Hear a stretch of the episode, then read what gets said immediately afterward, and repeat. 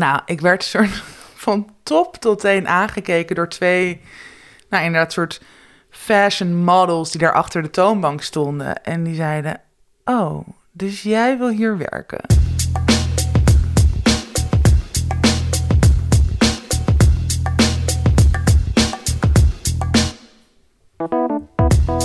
Dag mensen en welkom bij de podcast Tussen 30 en Doodgaan. Mijn naam is Malou Holshuizen en samen met Tatjana Almouli gaan we nu van start met aflevering 3. En dat begint eigenlijk altijd met de vraag, in wat voor staat treffen wij elkaar? Dag Tatjana. Hallo. Hallo. Maar ik was heel, heel rustig en stil. Ja, inderdaad. Ehm, nee, hoe gaat het met jou? ja, inderdaad. Ook, laten we Ja, daar we meteen over beginnen beginnen. Kijk, we hadden net een afspraak, een zakelijke afspraak, waar Ja. best wel veel van afhangt. Dus dat gaat over een nieuwe locatie waar wij onze podcast mogen gaan opnemen. Ehm, wat best wel lekker zou zijn, want we zitten nou weer aan een campingtafel in mijn, Ja. ehm, eh, in mijn woonkamer. Ja. Ja, appartement, Appartement. inderdaad. Of nou ja, de karto- kartonnen doos. Eh, ik kan nu naar mijn buurman schreeuwen en dan schreeuwt hij terug. Maar goed, eh, daar zitten we nu. En ehm, ik heb deze week mijn spiraal eruit laten halen. Hoort u dat dit zo lang doorgaat, die begintje? Ja, dit hoort. Het hoort. Meestal... Ja. Zo is even afgeleid. Ja. Ja. afgeleid moet ik hem een beetje laten... Fade out? Fade out. Perfect. Oké, nu komen we weer focussen. Echt jongen, aflevering 3. Mijn vrouw krijgt nu... Prikkels! Prikkels, inderdaad. ja, hij krijgt allures en prikkels. Holy shit. Nee hoor, dat hoort. It happens. Ja. Oké. Ja, ik had dus mijn spiraal eruit laten halen. Ehm, en dat komt omdat ik eh, al, nou, hij zat, er in, in- hij zat er al zeven jaar in. En dat ding is, blijft vijf jaar goed. Dat was heel grappig, want toen zei de dokter... Nee hoor, hoef je echt geen zorgen om te maken. Hij kan er zes jaar in blijven zitten. Na nieuw onderzoek zei ik, nou, die tijd heb ik ook al verstreken. En ik weet eigenlijk niet of ik een nieuwe wil, ja of nee. Eh, en dat Wil komt... je een baby? Nee, ik wil dus geen baby. Maar, kijk, ik wil dus zeker weten dat ik dat niet wil. Ja.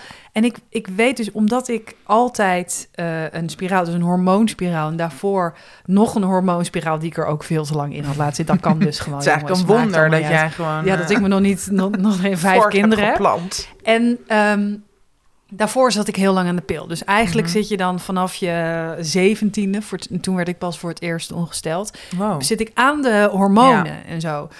Ehm, en ik heb dus die, die kinderwens die maar niet komt. En eh, dat, dat vind ik heel fijn. Eh, mijn vriend is 48, dus we hebben het erover van... oh ja, wat, wat gaan we doen? Want ik, dan, moet ik dan een nieuwe spiraal nemen of niet? En hij zegt, ik wil me ook best laten helpen. Ja. Zo knippen, Knip, knip, knip, knip, knip. En toen dacht ik, ja, dat vind ik een goed idee.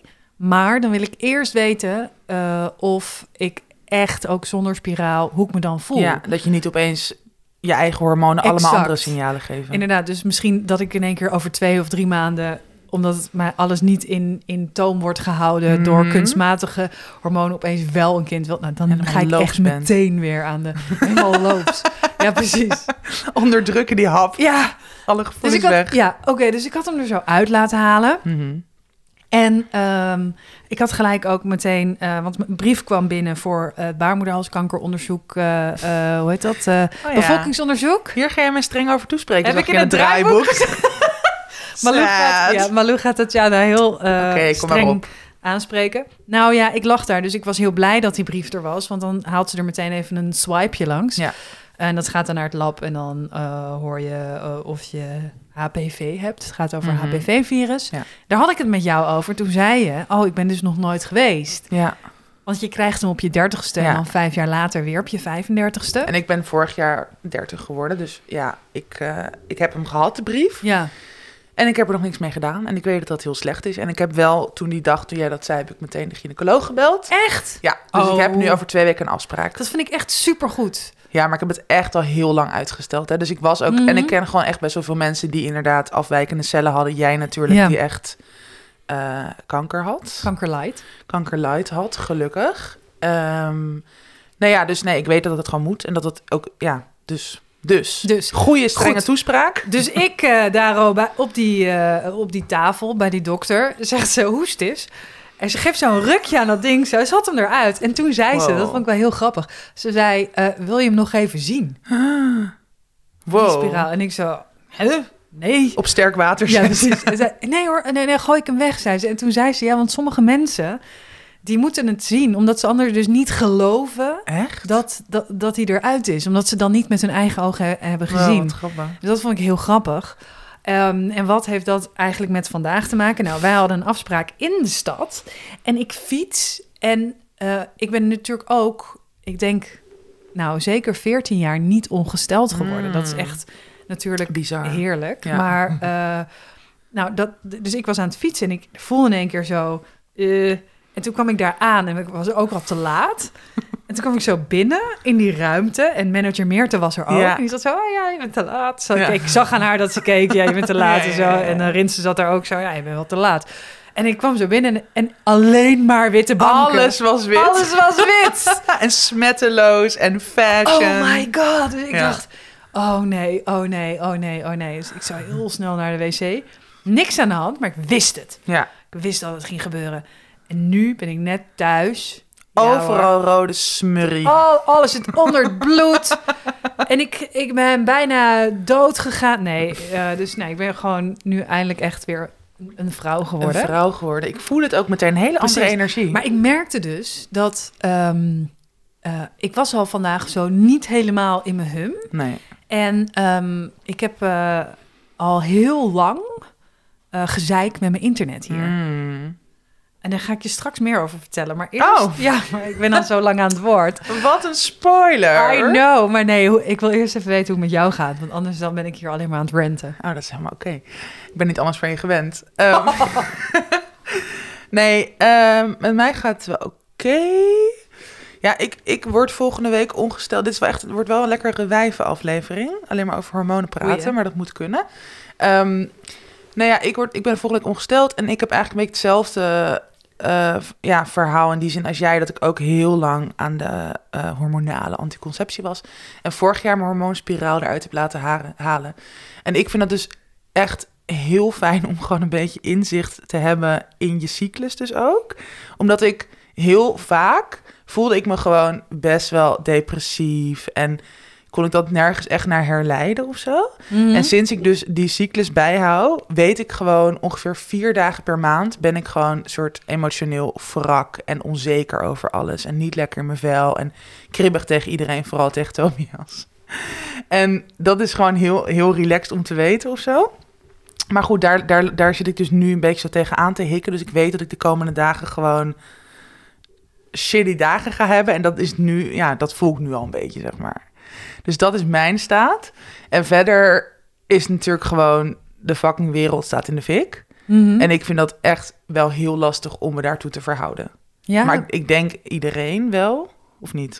Nou, ik hoorde in andere podcasts dat ze dus een soort van disclaimers hadden gemaakt van... ja, deze podcast was opgenomen en toen was de oorlog nog niet Ja, uitgebroken. dat hoorde ik bij Aaf en Mark Marie. Ja, en- en toen dacht ik, oh, maar moeten we dan eh, continu benoemen? Eh, ik vond het ook lastig, want ik vond het wel heel goed. Want ik snap dat wel. Wij hadden dat vorige keer niet gedaan. Nee. Als in, we hebben wel genoemd, ja, de oorlog is begonnen. Ja, maar het was, ik vond dat dus toch best ook wel lastig. Want het was toch van, ja, maar... Jij zit volgens mij iets van, ja... Maar het gaat natuurlijk hoe jij voelt in jouw leven. Maar dat was ook zo de dag dat een soort Poetin die oorlog had verklaard. How can I make this... Nou, nee, niet how can I make this about me. Maar hoe kan ik soort van doen alsof er niks aan de hand is? Dat ja. voelt nu wel een beetje raar. Want ik heb wel... Ja, ik vind niet per se dat we het moeten benoemen. Maar ik merk wel dat ik gewoon... Dat er overal wel een soort trieste ondertoon zit van... Waar gaan we naartoe met Ja. de wereld en de mensheid? En er is gewoon een gek... Ja, die elk moment inderdaad op een knop kan drukken. En dan... Wat gaat er dan gebeuren of zo? Ja, ik hoorde ook, ehm, en dat herkende ik heel erg aan mijn eigen opa oma. Ik hoorde Hanneke Groenteman aan de telefoon bij Teun en Gijs. Mm. Ook hierover van één zo'n gek. En ik ben niet, eh, die ze zei dat ze gewoon niet in haar hum was. Ja. Eh, geen goede doen. En eh, dat merkte ik ook aan mijn, aan mijn opa, die had ik aan de telefoon. En dat ging hier ook over. Dat hij zei, het, het is gewoon nog niet, er is niks veranderd. Nee. We hebben niks geleerd. Ja. Weer zo'n volk op de vlucht. Weer mensen in schuilkelders. Ja, Het is gewoon Baby's precies die hetzelfde. geboren worden in metrostations. Zo Ja. intens. En ik vond dat ook omdat hij is 88 en hij is. Zijn eerste herinnering is van de oorlog. Weet je, Mhm. hij woonde in Zutphen. Hij ging even spelen. Hij kwam thuis en zijn huis was weg. Wow. En ehm, dit komt allemaal weer zo dichtbij. En ik vind het zo erg dat hij echt terug bij af is in wat hij ziet. Ja, Dat hij dus dat ook dus misschien... in de wereld, gewoon in Ja. hoe, het, hoe het zit. Ja, Ehm, ik kom hier denk ik ook nog wel op terug eh, straks met mijn tips. Dus dan hebben we het... eh, Oh, ik moet op de ding... Oh, oh wacht. Malou. Ja, wacht, nog een keer. Ja, Wacht, nee. wacht. Wat een amateur ben jij opeens. Gaat goed, ben je dronken? Is dit te horen? Ja, dit is te horen. ja, het thema. Het thema. Ja, werken. Het werkende leven. Het werkende leven. Hoe belangrijk is werk? Heb jij vanaf hoe lang... Hoe, hoe oud was je toen je begon te werken?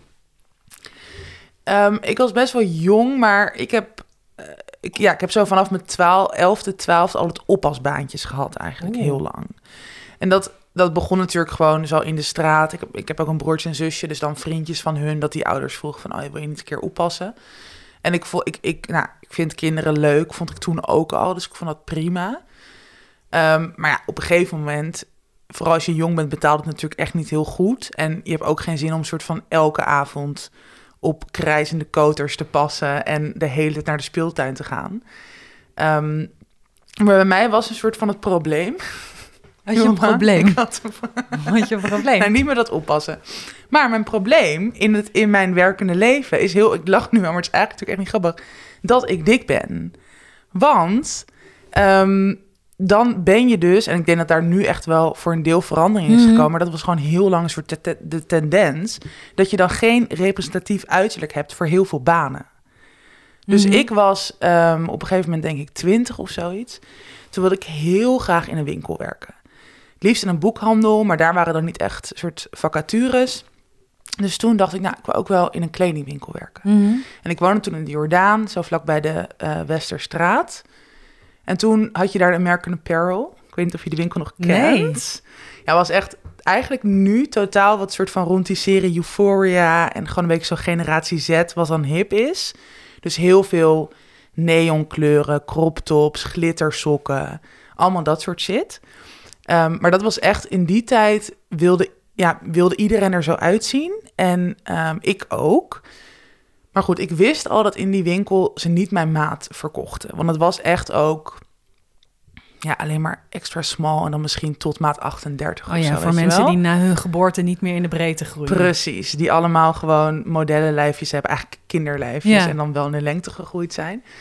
Maar goed, eh, ik liep daar gewoon ongeveer elke dag langs en ik zag daar gewoon heel lang in de, eh, eh, nou gewoon op de deur zo'n affiche hangen van we, zijn, we hebben personeel nodig.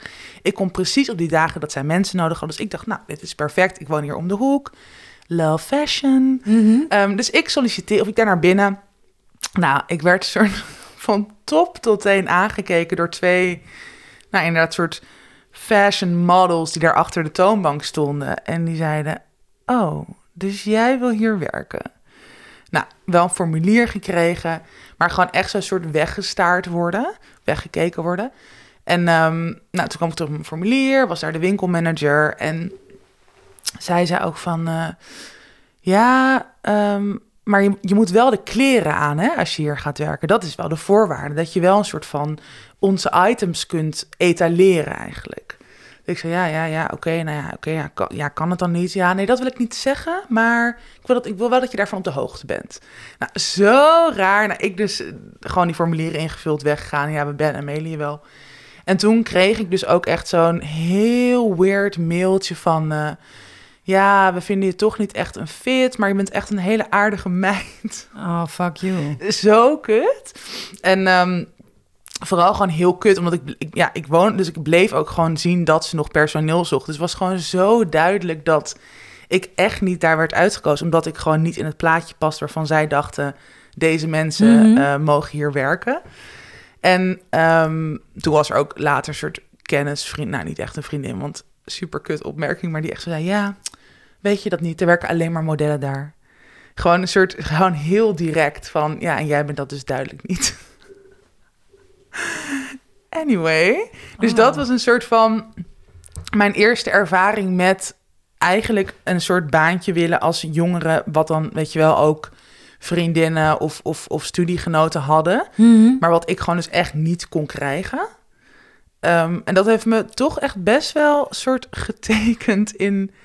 In ieder geval dus in mijn twintiger jaren of zo. Dat ik ook echt niet meer... du- Ik durfde ook bijvoorbeeld niet te solliciteren voor de horeca. Want ik dacht, ja, Mhm. als ik al in een soort kledingwinkel niet word aangenomen... dan ga ik al helemaal niet aangenomen worden in een café of ja, dat of zo.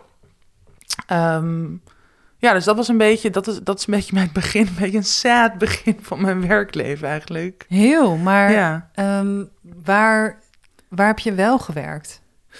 Heb je eh, uiteindelijk wel nog een bijbaantje gevonden? Nog steeds werkloos. Ja. Waarom zit je de hele tijd in mijn koelkast en pas je kinderen? Wat is dit? Waarom stel je de hele tijd Waarom dingen? woon ik hier Ja. gewoon half? Ehm, nee, ik, ja, ik heb, ehm, nee, dus ik heb echt tot soort van het einde van mijn studie opgepast altijd. Mhm. En ik, nogmaals, ik vond dat prima. En ik heb echt hele leuke oppasgezinnen gehad. En ook, ik heb op een gegeven moment had ik echt bij allemaal hele leuke acteurs en creatieven, eh, dat ik op hun kinderen pas. Dus dat heeft me denk ik ook best wel geholpen, ook in een soort zelf in die creatieve wereld terechtkomen. En, ehm, maar ja, voor de rest dus nooit eigenlijk een bijbaan gehad, tot gewoon mijn eerste echte baan. Daar zal ik straks nog wel even over vertellen. Maar voor de, ja, voor de rest niet. Dat is wel gek, Jij? want als ik, nou ja, nou ja, als ik naar mezelf kijk, is ik had niet zo heel veel vrienden op de middelbare school. Zielig. Ehm, ja, was mijn eigen schuld. Was ook niet zo aardig. Ehm, en ik ging werken op, ehm, in een kasteel. Dat was Oh een ja. jeugdherberg. En ik zat even op zijn Heemskerks zeggen. Dat was Slot Assenburg. en dat Waarom was- praat je niet altijd zo? Nee, want dat heb ik me heb afgeleerd. Ja, maar als ik daar ben, dan heb ik af en toe... wel- maar er was dus een, ehm, een kasteel met een slotgracht en, eh, Mm. en zo.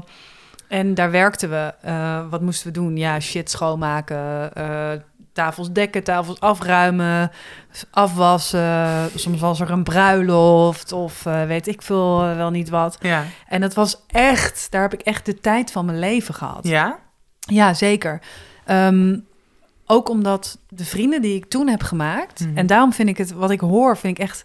dat is zo schadelijk. Mm. Dat is omdat ik er zoveel aan heb gehad... en zoveel mensen heb leren kennen... en daar vrienden voor het leven heb gemaakt... is dat iemand daarvan uitsluiten... is eigenlijk bijna barbaars. Hmm. Dat vind ik echt zo heftig om te horen. Ehm, maar goed, bij, mij... How can I make this Ja. about me? Maar Jammer voor jouw eh, ervaring. maar- ja, maar goed, nou, ik eh, had het ook heel zwaar, want eh, lange dagen. Nee. nee. Ehm, maar ik ben wel heel lang... Daarna werkte ik ook in, in, inderdaad in de horeca. Ja. En ehm, eh, wat wel heel grappig was, want als je als hele jonge vrouw in de horeca werkt... Mm. was je ook een soort prooi. Ja. En dat was echt gewoon normaal. ja, Dat was echt heel bizar. normaal om een, om een prooi te zijn. Ja. En het, het schatje van de zaak. En eh, weet ik wat, ik had gelukkig wel een baas. Wow, ik ben één baan vergeten van mij. Oeh. Sorry, ga verder. nou ja, eigenlijk eh, was dat het. Ik ben nu zo nieuwsgierig. Nou, ik moet hier aan denken, omdat ik dus ook in een soort... Ja, het was horeca, maar het was ook een soort halve hostessbaan. En ik heb daar dus een sikke affaire gehad. Heyo. Met soort mijn leidinggevende die ook daar eh, de kok was. Dus dat was ik. Die echt twee keer zo oud was als ik. En nou, was, was ook heel leuk, maar ook heel intens. En ook heel, als ik er nu dus over nadenk, ook heel fout. Want ook totaal machtsmisbruik natuurlijk. Mhm. Dus daar, ik moest daar even aan denken, omdat jij het over prooien had. Nou, ik heb dus ook een keer echt op mijn vijftiende... een keuzeminuutje van een sekslijn ingesproken. Hoeveel voor betaald gekregen was volgens het mij waard? echt iets van, nou, 50 euro of Sorry, zo. maar hoe kom je daarbij terecht? Of Ja, hoe komen ze bij jou via. terecht? Dit is echt... I love dit wel. Via, via. Ja, moest ik allemaal... zoetgevoiste stem. I know, echt dat. En toets 1. En ik hoefde geen ranzige dingen te zeggen. Maar als 15-jarige, ja, dat is wel gek, hè? dat is heel raar. Ja, ik heb ook nooit aan mijn ouders verteld, hoor. Dat ik dat heb gedaan. Toch even een mooie 50 euro I mee verdiend. know, I know, I Voor know. bier in de kroeg. Ja, maar Jezus. eigenlijk ehm, ehm, toen ik voor het eerst serieus ging werken, want dat bij, bij Slot Assenburg, dat was echt superleuk. En ik heb daar echt jarenlang gewerkt. Maar op Ja. een gegeven moment eh, eh, ga je studeren en werk je bij, dus in de horeca of eh, waar dan ook. Ehm, ik heb, ben op een gegeven moment in de zorg gaan werken. Mhm. Ook naast het studeren. En toen werkte ik in de thuiszorg. Eh, dat vond ik echt, dat was eigenlijk mijn eerste baan waarvan ik dacht, oh ja, hier, ehm, eh, ja, hoe, hoe zeg je dat? Ik, ik vond dat zo leuk Mhm. dat ik eigenlijk door dat werk ging nadenken over, oh ja, wat, hoe, hoe Ja. ga je je leven verder ja, invullen? Waar word je blij van? Waar voel je je goed precies, bij? Ja. precies. En ik werkte met mensen eh, ehm, met een beperking Mhm. in een lunchroom. En dat was echt gewoon alle dagen feest. Waar je die rode Baywatch eh, Nee, nee, nee. nee, nee. bij Nou, dat is ook, ja, dat is ook zo'n bizar verhaal. Nou, ik heb dat dus later eh, eh, nog een keer. Ik ben op een gegeven moment ga je studeren eh, en ik, dat was dus mijn bijbaan. Dus ik Ja. werkte lekker met al die gasten in een lunchroom, altijd lachen. En daarna kwam het busje en dan werd iedereen thuisgebracht en dan haalde ik nog een Mm. lapje over de tafels. En dat was echt top. van fucking tastisch. Ik heb ook echt, ik mis dat af en toe nog steeds. Mm. En ehm, eh, op een gegeven moment eh, eh, ga je dan stage lopen ergens. En toen kwam ik bij de radio terecht. En toen ging het allemaal heel snel. Ehm, en word je eerst echt ontzettend uitgebuit. Want niemand in de media heeft ooit budget Nee. voor mensen die gewoon een, een fulltime redacteurfunctie ehm, moeten vullen. En, Krijg je daar heel weinig voor betaald? Ik kreeg 250 euro per maand. Dat meen je niet. En Stagevergoeding. Wow, En dan werkte ik vijf dagen in de week bij Radio Decibel. Deed ik de middagshow. cute. Ja, heel cute. Deed ik files lezen. eh, eh, ook een eigen programma in het weekend en zo. Dus ik was alleen maar daarmee bezig. En ehm, ik- die studie ook uiteindelijk, ja, vertraging, vertraging, want stage. Ja, want kan niks ja. missen van stage, want, want, want. En eigenlijk ben ik toen de journalistiek en de media ingerold. Mhm. Ehm, en omdat ik op een gegeven moment ook maar gestopt was met mijn opleiding, omdat ze hadden gezegd: ja, je moet opnieuw stage lopen en we gaan je scriptie niet nakijken, dacht ik: oké, fuck jullie dan. Ja, want want je zit toch al in die wereld Ja, waar je in ik, wil. Ik, ik zat al in de wereld waar ik in wilde en ik mocht dan geen stage lopen bij de radio, terwijl ik de ochtendshow op 3FM ging doen. Als sidekick. Ja, jongens, dat kan Later. niet. Laat maar. ja. En eigenlijk toen zo ontzettend veel gewerkt en op alles ja gezegd en zoveel doen in de nachten en radio maken en schrijven en alles proberen, proberen, proberen. Alleen maar werk, werk, werk. Ehm, totdat dat opeens zo wegviel. Hmm. Ik heb daar zeven jaar gewerkt, zeven jaar bij BNN-Vara. En je hebt dan die contracten, weet je wel. En dan was er al een keertje een half jaar uitgegaan. En dan heb je weer, kan je drie contracten krijgen. Want ze doen niks met vaste contracten. Of tenminste, Oh. ze doen niks. Ja, Nee. het kan bijna niet. Die nieuwe Mhm. mediawet is echt vreselijk. En toen, eh, ik, was het, ik was ook best wel ziek geweest. Eh, toen was ik, had ik opeens niks. Was ik zo, niet meer werkte ik in de media. Was zo helemaal Bizar. gestopt met die, in die, die sneltrein Ja. waar je in zat. Van dingen maken en ja, ook de aandacht en de mensen om je heen. En het wereldje waar je in zit. En ook de arrogantie van het denken dat de wereld alleen maar daarom ja, draait. Ja, ja, ja. En toen dacht ik, oh, maar hoe belangrijk was dit nou eigenlijk? En wat, hoe, wie ben ik eigenlijk? ja. Hoe lang is dat geleden? Dat is nu vier jaar geleden, vier en een half jaar. Wel kort. Ja, heel kort. En toen, toen dacht ik dus, oké, laat ik even terug naar de basis gaan. Wanneer was ik, was ik ook heel gelukkig? En wat, wat zou ik nog meer kunnen doen? Mhm. En toen ben ik weer de zorg, in de zorg gaan werken. Mm. op een werkplaats Ja. voor mensen eh, met een beperking. En eh, toen ben ik echt weer tot rust gekomen. En toen heb ik echt zo goed kunnen kijken... oké, wat vond ik nou heel erg leuk aan mijn oude werk? En hoe Ja. kan ik dat meenemen zonder alleen maar vooruit te Ja.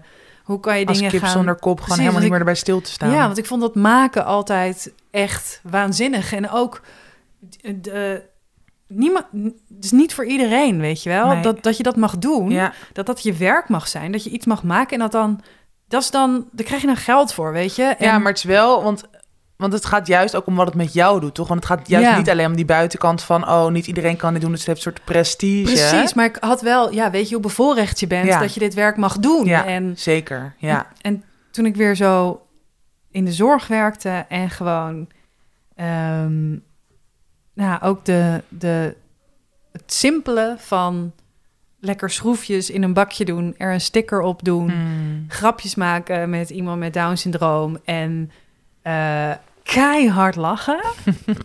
dat heeft me zoveel gebracht. Ja. En nu ben ik En- beroemd. Nee, Heeft me zoveel gebracht. Maar nu ben ik famous, dus het maakt allemaal ja, niks meer uit. Ja. Maar wat heeft het je, kan je, ja, wat heeft het je gebracht in de kern? Of wat neem je nu daar nog van mee? Ehm, rust. Dus dat je echt af en toe rust moet hebben om iets te bekijken. eh, en daardoor ook vertrouwen krijgt in dat wat overblijft. Dat dat heel Genoeg is. Ja, genoeg Ja, is. ja. En ook dat dat heel kostbaar is. Ja. En dat je daar veel zorgvuldiger eh, mee om moet gaan. Met, met, met het kleine wat je wel eh, uiteindelijk dus weer groot kan maken. Ja. Ik dacht, ja, wat, wat wil ik nou echt? Ja. En dat hele radio en dat ik was alleen maar bezig met zichtbaar zijn. Een soort Mhm. van Malou Holshuizen etalage Ja. gemaakt met alleen maar dat ik dacht, oh, koop mij, weet je wel, maakt niet mhm. uit. En dan, Ja. eh, overal ja op zeggen Ja. en dan en dan dat dat je dat je gewoon één hele duidelijke taak hebt, namelijk zorgen dat daar een groep jonge mensen hun werk kunnen doen. Mhm. En daarnaast was ik dus aan het schrijven, aan zacht op lachen. Ja.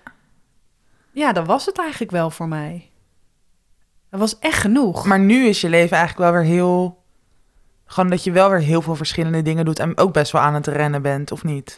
nou, maar zo voelt het niet. ik Dus ben jou lekker aan het interviewen. ja, precies. Ja, wacht ja maar. Ik ga jou zo fileren. Nee. Ik ga jou zo fileren. Ga verder. Nou ja, dat, dat, dat ik nu wel ook weer een bevoorrechte positie... dat je echt kan doen Ja, wat, je leuk echt wil. Maar dat komt ook omdat ik altijd denk... ik heb nog een geluk.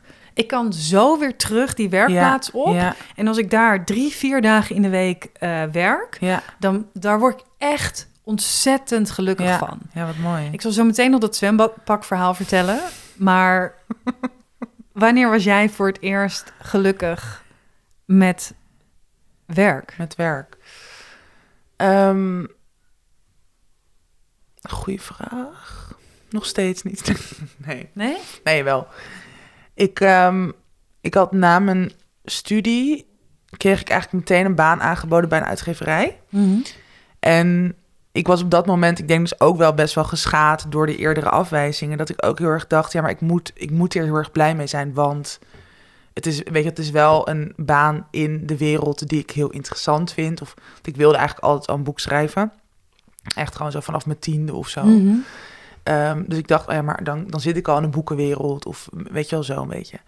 Ehm, en ik had ook, ik heb Nederlands gestudeerd, maar wel alleen een bachelor. Dus ik, ik, ik zag allemaal mensen die zo de, eh, de master, redacteur, editor gingen doen. En, dat, Ja. en dan zou je bij een uitgeverij gaan werken. En ik kreeg gewoon meteen een baan aangeboden naar mijn bachelor. Of nog tijdens mijn bachelor. Dus ik dacht, nou, ik moet, ik moet dit gewoon gaan doen.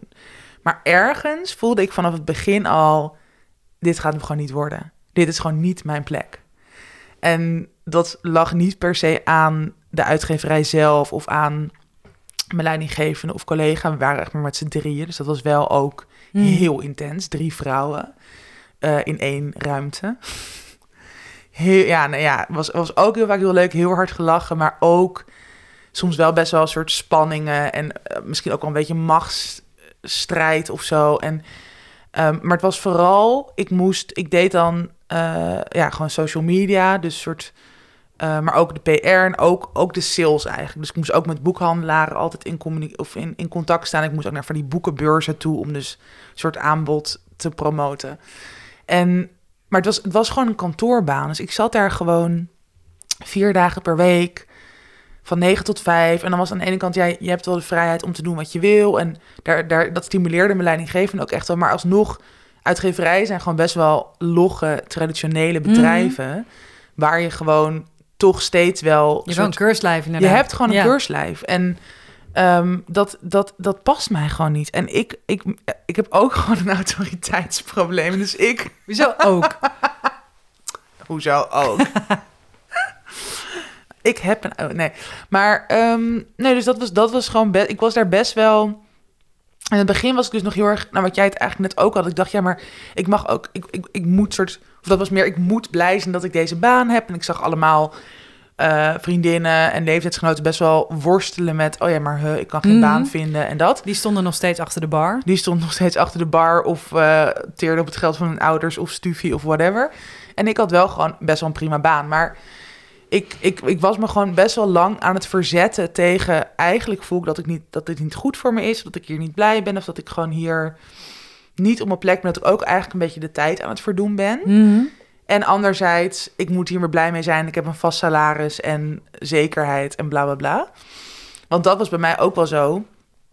Ik heb gewoon best wel veel vrienden. Daar hebben we het volgens mij ook in de eerste aflevering over gehad. Maar die gewoon dus echt wel veel meer zekerheid hebben. En altijd nog kunnen terugvallen op hun ouders. Nou ja, ik heb dat gewoon niet. Nee. Ik heb gewoon vanaf mijn 18 altijd alles zelf moeten fixen en betalen. Ehm, maar goed, hele lange aanloop naar wanneer ik gelukkig was. Dat was wel echt het jaar dat... Ik werkte toen dus alsnog bij de uitgeverij, maar ik had toen eigenlijk heel snel een boekcontract aangeboden... toen ik een soort het idee pitchte voor Knap voor een dik meisje. Mhm. En ik... En was dat bij diezelfde uitgeverij? Nee, zeker niet. Oh. Nee, dit was een uitgeverij ehm, die eigenlijk alleen maar heruitgaves deed. Oh ja. Dat is ook heel kleinschalig. En, maar het hielp natuurlijk wel mee dat ik dus al meer mensen ken in die wereld. En dat toen ik gewoon één social media post de wereld uitdeed... dat ik meteen drie berichten van drie uitgeverijen had. Van, Mhm. hey, kom maar praten, goed idee, zo. Ja. Ehm, nee, dus ik had het contract gekregen. En toen, ik had ook gewoon echt geen geld. Dus ik kon ook gewoon niet eens... Of tenminste, ik durfde gewoon echt nog geen ontslag te nemen. Maar ik voelde wel... Ik heb toen, nou, om en nabij een jaar erover gedaan... over dat boek op mijn één, ik, had, ik ging toen één dag minder werken. Dus volgens mij toen werkte ik nou, drieënhalve dag per week. En dan op die anderhalve dag per week ging ik mijn boek schrijven. Mhm. En ik voelde gewoon, dit, dit is inderdaad wel, dit is wat ik moet doen. En toen alsnog heeft het dus best wel even, nog echt een paar maanden toen mijn boek was verschenen, heeft het geduurd voordat ik echt de stap durfde te zetten om ontslag te nemen en om echt gewoon ja, te gaan doen waarvan ik dacht, dit is het. Dus schrijven, maar ook ja, maken in. Algemenere zin. Ja. En ik denk zo dat laatste half jaar, het laatste half jaar schrijven en zo die aanloop naar ik ga ontslag nemen en fuck die zekerheid. Ik moet gewoon een soort, ja, je moet ook gewoon risico's nemen. Daar voelde ik me gewoon echt best wel onoverwinnelijk. En toen, en dat was gewoon een heel lekker gevoel. En dat tot nu toe, dat is nu iets van, nou bijna drie jaar later. En het is tot op de dag van vandaag een hele goede keuze geweest.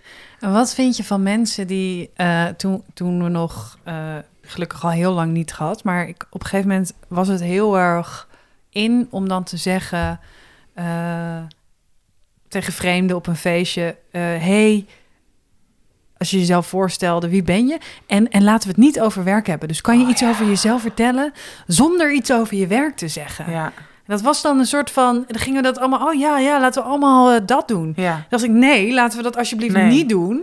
Maar dat gaat dus heel erg van het idee uit van... oh ja, je werk zal niet je identiteit moeten bepalen. Ja, precies. Minder in ieder geval. Ja, ik, maar ik denk dat het bij ons ook wel... omdat het zorg in het verlengde ligt van... Kijk, wij maken natuurlijk ook best wel veel...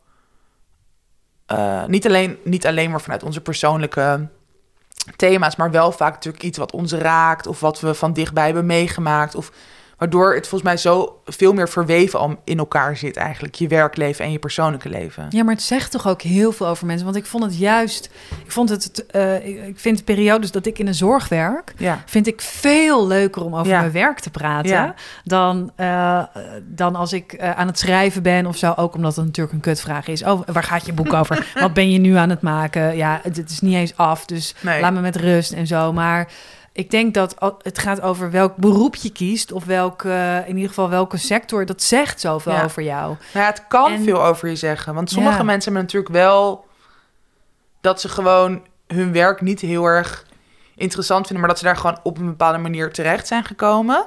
Maar dat ze daarnaast gewoon wel een heel rijk leven leiden. Waardoor dat werk gewoon wel ondergeschikt is voor hen. Nou, voor jou is je, jouw werk is toch wel heel belangrijk voor jou. Zeker, heel belangrijk. Maar vind je het dan nooit eng, ook omdat je alles zelf in de hand ben, hebt, omdat je eh, nu helemaal alle vrijheid hebt en Ja. eh, je eigen baas bent? Tenminste, dat heb ik af en toe. ja, dat, dat je ik ook zo- kan grijpen. Ja, heel erg dat ik ook denk, oh, het is dus ook helemaal mijn eigen schuld Ja. als ik alles verpest. Ja. En dat kan dus gewoon. ja. dat ja, ik vind dat ook heel eng. Maar ik heb sowieso wel dat ik gewoon... Dat had ik ook al bij die, in die baan van die uitgeverij. Maar dat heb ik zeker nu ook. Dat ik echt best wel faalangstig kan zijn. Ja? Ja, dus als ik... Ik weet niet of jij dat ook hebt. Maar als ik gewoon pitches ga versturen naar een nieuwe opdrachtgever. Maar eigenlijk ook al naar een opdrachtgever waarvan ik weet... Oké, zij zijn eigenlijk altijd blij met mijn werk. Ik vind dat altijd nog steeds eng. Ja, ik had dus laatst... Voor, ik, voor het eerst ging ik een ehm, een stuk schrijven voor de Volkskrant. Ja. En toen ging ik me heel erg zo Volkskrant terug doen. Wat houdt dat in? Ja, nou, ik ging dus heel veel... ja, sowieso lees ik wel veel eh, artikelen, maar zo heel erg naar de Volkskrant toon Ja, gewoon zoeken. toon. Ja. En ehm, toen had ik het gestuurd en toen zei eh, de chef... Oh ja, ja, precies. Ja, ik heb jou gevraagd. En ik wil graag dat het... Ja, ik vraag jou, omdat Ja. ik jou wil lezen Ja. hierin. En, En, eh, niet de zoveelste Volkskrant en ik moet wel zeggen dat ik dat heel fijn vond om te Ja, eh, horen. horen. Want inderdaad, met trillende handjes zo op versturen. Ja. En dan echt ook maar bijna zo op hoop van zegen. Ja. Dit kan het einde zijn. Ja. Wacht, wat is die Volkskrant ja, nou? meteen. Boeien, ja, ja, ik en zo NRC toch een betere krant. Of het parool. Of weet je, ga je een beetje zo, ga je dat zo heel downgraden. Nou, goed om te weten. Nee, nee, nee, nee, nee. Grapje. Jongens, Volkskrant forever. Volkskrant forever. forever. Ik heb drie abonnementen. maar ja, ehm, ja nee, dan, dan ga je jezelf wel helemaal vrijpleiten in. Ja. Als het mislukt, dan ligt het hier aan. En dan ook dat al allemaal uitschrijven in dat je niet een klap kan krijgen Ja. van afwijzing. Ja, en dat heeft er inderdaad heel erg te, mee- met te maken dat het alleen, je kan alleen maar jezelf erop aanrekenen. Ja. Natuurlijk, ah, het slaat nergens op, want er zijn natuurlijk heel veel factoren en je weet nooit precies waarom iemand misschien iets niet een keer goed vindt of whatever. En heb je wel eens nagedacht over, want dat heb ik ook af en toe. Ik heb dat natuurlijk heel erg met als alles mislukt, ga ik weer lekker op een Ja. ga ik lekker weer schroefjes stellen met mensen en dat vind ik echt heel leuk. Ehm, maar heb jij niet, wat zou jij zijn geworden als je niet, als je geen schrijver was geworden? Heb je daar wel eens over nagedacht? Ik denk docent. Omdat ik heb ook, eh, ik heb eerst een jaar aan de hogeschool gestudeerd. Ik had HAVO gedaan, dus ik moest mijn P halen. En ehm, toen moest je ook al meteen, toen deed ik dus docent Nederlands. En toen moest je ook al meteen een half jaar of drie kwart jaar stage lopen. En toen ging ik wel op mijn oude middelbare school, dus wel nog lekker veilig op de vrije school. Alles heel relaxed en leuk. En allemaal oude docenten die mij gingen begeleiden. Maar dat ging fucking goed. Ik had gewoon echt al de eerste les een soort natuurlijk overwicht. Die kinderen aten uit mijn hand. En dat, ik vond het ook gewoon heel leuk. Ik vond het ook gewoon echt een uitdaging om gewoon van die lapswansen van pubers een beetje in het gareel te houden. En gewoon ehm, ja, hun ook iets bij te brengen en zo. En ik had ook een hele, hele leuke stagebegeleider die helaas ehm, in de MH17-ramp is omgekomen. Heel, Jezus. ja, heel heftig. Echt een gast van toen 29 Bizar. heel naar. Maar die was echt zo, die ging dan ook die klasse eh sterrenstof van de jeugd van tegenwoordig laten ontleden. Weet je wel, een soort van haar diepere boodschappen daarin zoeken. Dus die was ook echt, echt een inspirator voor mij.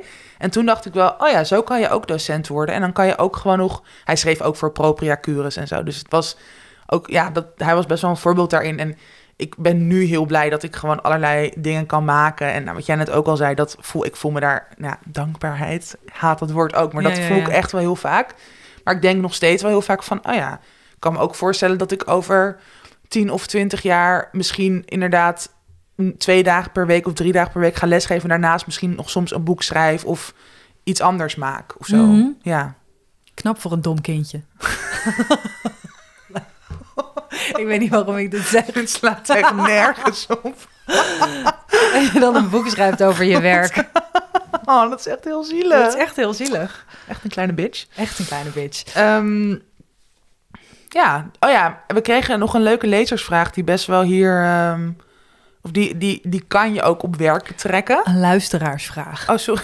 Het is niet een lezervraag. Ook lezersvraag. Ook een lezersvraag, ja. Een Via onze Insta. Via ons Insta. Ja, echt, echt heel leuk hoeveel berichten we krijgen. hè, Even tussendoor.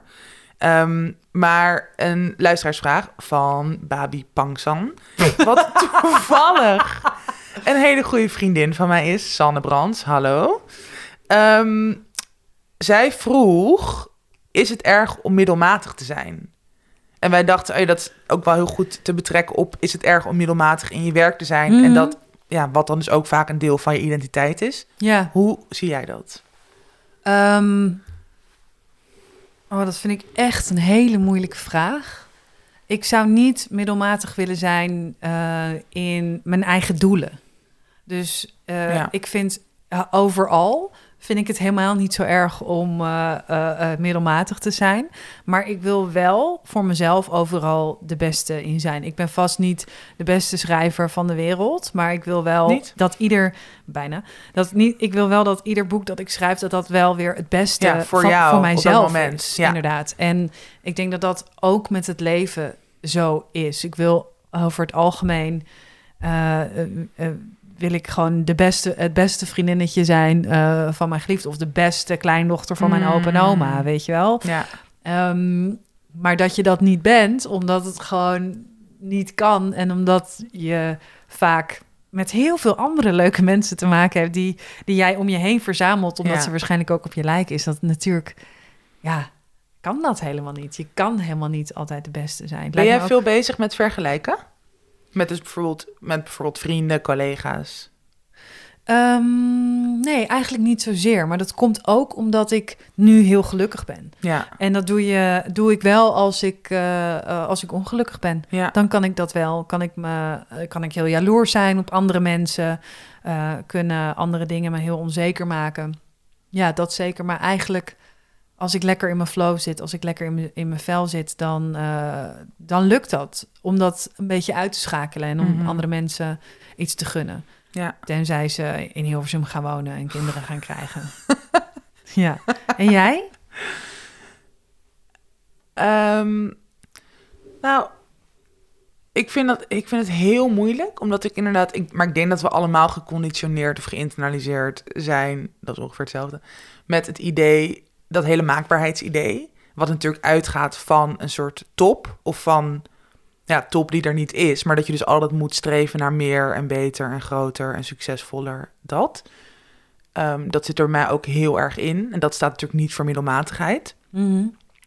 Maar ik heb wel echt de afgelopen paar jaar dat ik eh, ja, in therapie en dat, dat, dat mijn, mijn lat gewoon zo hoog lag. En dat het me zo geen goed deed om altijd soort van sterk te moeten zijn en hard te moeten werken. En dat ging dus ook heel erg naar, of dat ging heel erg over de buitenkant en ook over reacties, externe reacties van, dus van anderen. En ook, ook dat idee dat je dus niet middelmatig mag zijn. En Mhm. dat zat mij zo erg tegen. Dat ik wel echt, denk ik, het afgelopen jaar, of ook wel dus rondom het schrijven van Ik zal je nooit meer en dat hele rouwproces, dat ik echt wel soort die lat lager heb gezet en heb gelegd. En voor mijn gevoel veel meer stil mocht staan.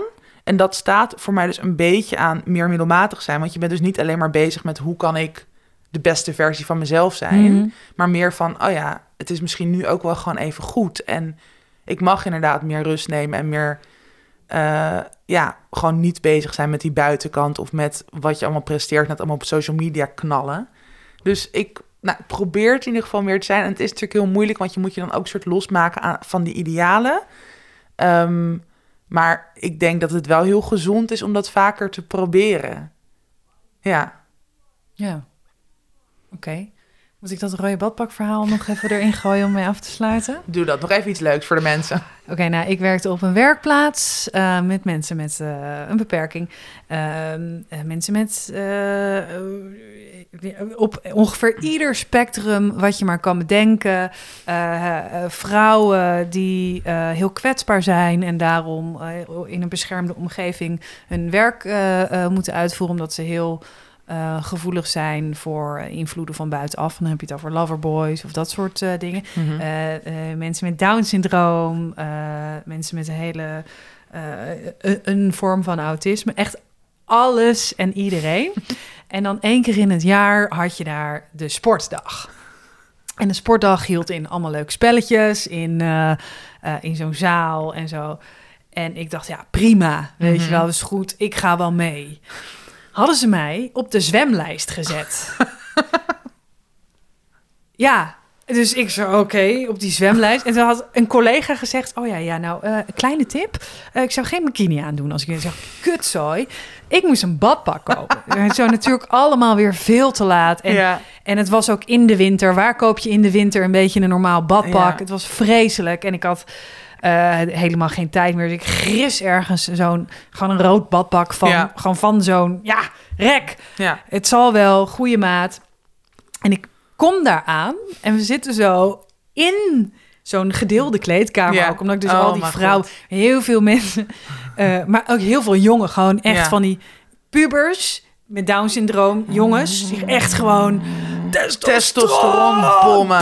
Oh Zo. my god. Maar ook nog eh, eh, vaak heel fysiek. Ja, Eh, niet echt grenzen in die zin. Nul. Nee.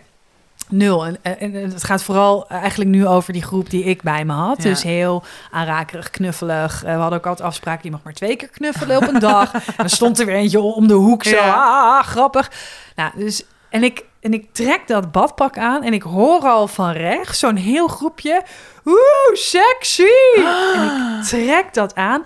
Was het echt zo'n heel hoog uitgesneden Oh. en achter zo helemaal. Nou, je kon het echt niet kwijt. En dan ook nog heel laag zo. Ik heb best wel grote borsten. Ja. Nou, en, en ook was, nou, het was alles was zo Alles hing eruit. oncomfortabel.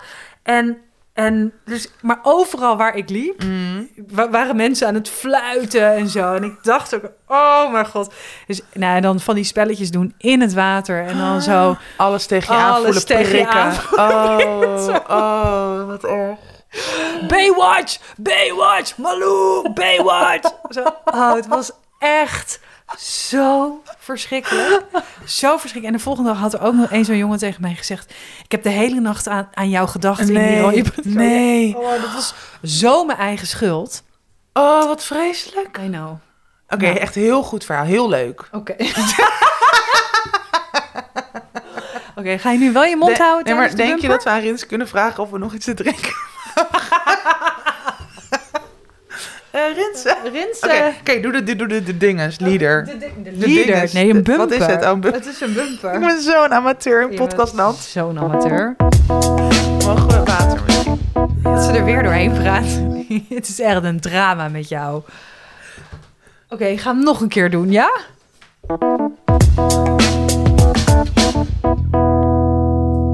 Zullen we nog één kort luisteraarsvraagje doen? Ja, Ja. maar de eerste vind ik wel heel... Nee, die, die is inderdaad wel heel. Merel vroeg zich af of het ooit nog goed komt met de wereld. Nou, nee. Nee, ik denk het ook niet. Nee. Jammer. Door naar het volgende item. ja, toch? Ja, toch? Fuck, Mary Kill, toch? Ja. Oké. Ja, daar ben ik weer met een nieuwe Fuck, Mary Kill. En deze keer mogen jullie kiezen uit Marcel van Roosmalen, Kasia Olongren en Jesse Klaver. Dankjewel, manager Meerte. Dankjewel, manager Meerte. Oké. Ehm, ja. Ik, zal ik hem aftrappen? Ja, ik moet ook wel nadenken. Ja. Eh, ik zou... eh, ik ga met het makkelijkste beginnen. Ik zou trouwen met Marcel van Roosmalen. Maar dat is ook een vriend van jou, toch? Ja, vriend, het is kennis. een- ja, een kennis. ik weet niet, nu ga ik hem zo openlijk kennis Ja. noemen. Nee, ik werkte met hem. Je ik kent werkte- hem. Toen in mijn BNN-Vara-tijd, eh, eh, toen eh, troffen we elkaar heel vaak. En we Mhm. troffen elkaar ook wel eens op een terras. En eh, dat is echt een van de liefste mannen die ik ken. En dat Zou je niet zeggen? Zo- ja, nou... Nee, maar ik ook ken wel, hem echt niet. Maar dat is natuurlijk wel een beetje het beeld een soort cynische bronpot is. Precies, en, maar je weet wel precies wat je aan hem hebt. Denk ik dus dan maar, eh, eh, ja, eh, dat. En hij schrijft fucking goed. Dat is toch ook leuk? Ja, dus dan is hij, je een bedoelt, veel achter zijn. Dus dat, die vond ik heel makkelijk. Ja. En dan moet ik naar, naar bed met Kasia Olongren of Jesse Klaver. Kasia Olongren is nu van de Defensie, hè? Dat was eh, binnenland. En, ik net nog haar googelen. Ah. Is die vrouw ook weer, behalve dat ze paparazzi heeft geshowt aan de hele wereld. Ja, precies. Eh eh, omzicht, functie elders. Ja. Ehm, ja, en Jesse Klaver vind ik best een aantrekkelijke man. Ah, dit Ik giecheltje. had hem toen, ik had hem toen schat in, een, in, ook? in een interview. En toen was echt best wel gênant. Want ik was he- best wel... Dat ik dacht dat hij me gewoon de hele tijd heel erg indringend aankeek. En dat dat echt zo heel... Ik voelde een beetje Een alsof we aan het flirten waren. Toen ging ik later die beelden terugkijken. En dat was gewoon helemaal Jij zit alleen maar zo naar hem te kijken. Blijkbaar wel, ja. Hij, je zag hem gewoon heel netjes ook naar, naar, naar Roos. En Oh, dat was echt wel. trouwens een hele interessante aflevering. Dan moeten mensen echt gaan terugluisteren als ze het nog niet hebben gedaan. Ja, dat is mijn andere podcast. Dit komt nooit meer goed. Ja. Dus Het was echt een heel bizar verhaal. Ja. Ja. Ehm, ja, ik vind hem dus wel eh, eh, oké. Nou, dus met hem zou ik eh, dan dat andere doen, ja. En dan, ja, helaas, Kasia Alongren. Het was ook wel heel lelijk met dat briefje met eh eh omzichtfunctie elders. Reden genoeg om te killen. Ja, maar zij heeft trouwens, zij had vroeger toen ze nog, zoals, volgens mij, lokale burgemeester van Amsterdam, is zij ook geweest. Ja. En wethouder. En toen had zij een persvoorlichter. En die was ook echt heel knap. Ik Ja? weet nog dat ik toen, ja, dat, en dat ik daar ook een beetje zo van, Eh, dat. Het is wel echt een hele leuke vrouw. Dus er gaat wel een hele leuke vrouw verloren. Ja, ik vind het wel heel seksistisch van je. Mij dus hier afbranden Dit is een soort femicide. ja, dat is wel waar. Oh my god. Ja, nee, je kan niks terugnemen, jammer. Ja, ja. Ehm, even kijken wat ik ga doen. Ehm vak doe ik Marcel. Oeh, dat lijkt me helemaal niks. maar prima. nee, maar weet je... ding. Kijk, ik vind Eva Hoek zo leuk... dat ik kan me gewoon niet voorstellen dat zij met iemand is... die gewoon niet goed in bed is. En die, ze heeft ook drie kinderen. Maar Maar je ze bent heeft wel een homewrecker nu, hè? Ik ook. Sorry even. nee, ik, nee, ja, ik denk gewoon dat hij... Dit is steeds mijn argument met de mensen waar ik mee zou seksen. Maar dat ik gewoon denk dat hij... Dat het heel leuk is om gewoon een avond door te zakken met hem in een kroeg. En dat als je gewoon dronken bent... En volgens mij is hij ook echt best wel charmant. En hij is natuurlijk heel grappig. Nou, ik vind gewoon mannen met humor Geil. heel geil. Mhm. Dus ja, eh, dat. En Jesse Klaver zou ik mee trouwen. Hoi Jesse. nee, ik vind hem ook heel aantrekkelijk. Ehm, of heel aantrekkelijk. Nou, ik vind hem aantrekkelijk. En ik... ehm, het lijkt me ook wel leuk om een soort politiek power couple te worden. Ga je dan ook bij GroenLinks? Ehm, nee, ik zou wel een concurrent dan worden van hem. Lekker bij bijeen. Ja, sowieso Ja. bij één. Nee, maar dat, ik denk gewoon wel steeds vaker, ook met al die ellende in de wereld, ja, hoe kan je iets veranderen? Kijk, politiek gaat ook fucking traag, maar dan heb je tenminste wel meer het gevoel dat je een soort van op dagelijkse basis met iets belangrijks bezig bent of zo. Mhm. Nou ja, dus dat is een beetje mijn argumentatie. En dan, ja, ook killen, eh Kasia, maar... Kas- Kasia? Kasja Olongren. Olongren. Ja. Ik, ja, ik ken haar gewoon niet, sorry. ja. Ik, ja, nee, dus ik heel verhaal dat ik in de politiek wil, maar ik ken haar niet. Slecht. Ook femicide.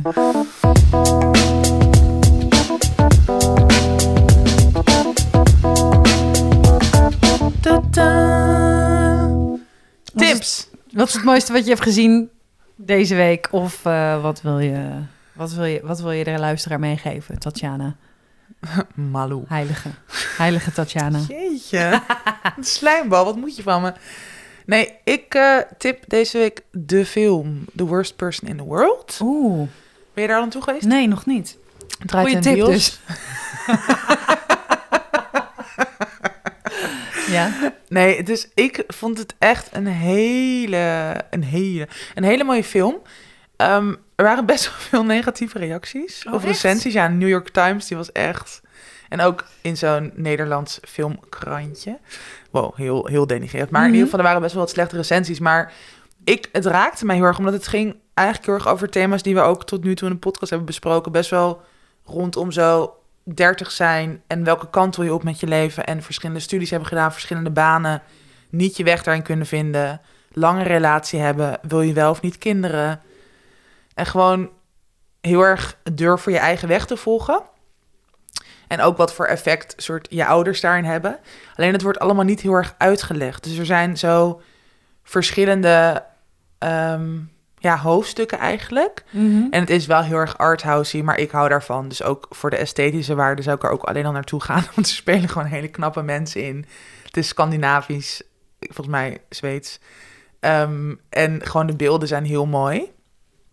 Maar ik vond ook, ja, ik herkende er gewoon heel veel in. Dus het, het, ik vond het ook een troostende film. Ja. Mooi. Jij? Ik heb laatst ehm, De Wandelaar van Adriaan van Dis weer herlezen. Ja. Dat had ik vroeger eh, al een keer gelezen, maar laatst eh, heb ik daar een lezing over gegeven, over dat boek. Ja. En eigenlijk is mijn tip of om dat boek te lezen, maar misschien nog beter om je te laten voorlezen door Adriaan van Dis. Mm, hij spreekt hem zelf in. Hij spreekt hem zelf in op eh, Storytel. En eigenlijk wilde ik deze week tippen, omdat het gaat natuurlijk heel erg over wie geeft je onderdak? Hmm. En waarom? Ja. En hij omschrijft dat zo ontzettend mooi hoe er naar mensen wordt gekeken. En dat is iets wat je natuurlijk nu. Het is heel warm wat je ziet, maar daar zit ook weer een hele rauwe rand aan. Ja. Want deze mensen lijken op ons, dus ze zijn welkom hier. En Ja. ehm, er zijn ook heel veel mensen niet welkom hier. En dat vond ik na het lezen van De Wandelaar. Ik weet niet hoe ik dit moet zeggen. Het was gewoon heel fijn om er weer over na te denken. denken, en om, er, om je er bewust van te zijn. En ik hoop gewoon dat zo'n boek mensen helpt ook. En Mhm. ook om dit, omdat het nu, wat er nu gebeurt, ook heel goed is. Ja. eh, Om dat door te zetten. Om, Ja. die, om die kracht eruit te halen. Ja, en niet alleen voor andere Europe Europeanen. Precies. Ja, oké, mooi. Dan zijn we er. Dan zijn we er. Oh, wat ga jij deze week doen? Weer lekker op een huis oppassen in Noord. Oh. Zin in, met een enorm uitzicht. Dus ik, volgens mij wordt het ook weer een hele mooie zonnige week. Dus dat vind ik echt heel fijn. Even Heerlijk. wat lichtheid in mijn leven. En jij? Ehm, nou, ik heb een best wel spannende week. Jij hebt want een heel vandaag, spannende week. Vandaag is dus komt mijn eh, essay in de Volkskrant. Ehm, en daar gaan we het volgende week waarschijnlijk over hebben. Eh, over de inhoud ervan. Het, het heet Chroniek van Alledaags Seksisme. Volgende Mhm. week hebben we een speciale uitzending. Ja. Ehm, daar hoor je nog meer over. Of je moet even onze Instagram in de gaten houden. Dan gaan we alvast eventjes zeggen, eh, nou, wat hints geven. En ik zit deze week, eh, donderdag ben ik te zien in Dit Was Het Nieuws.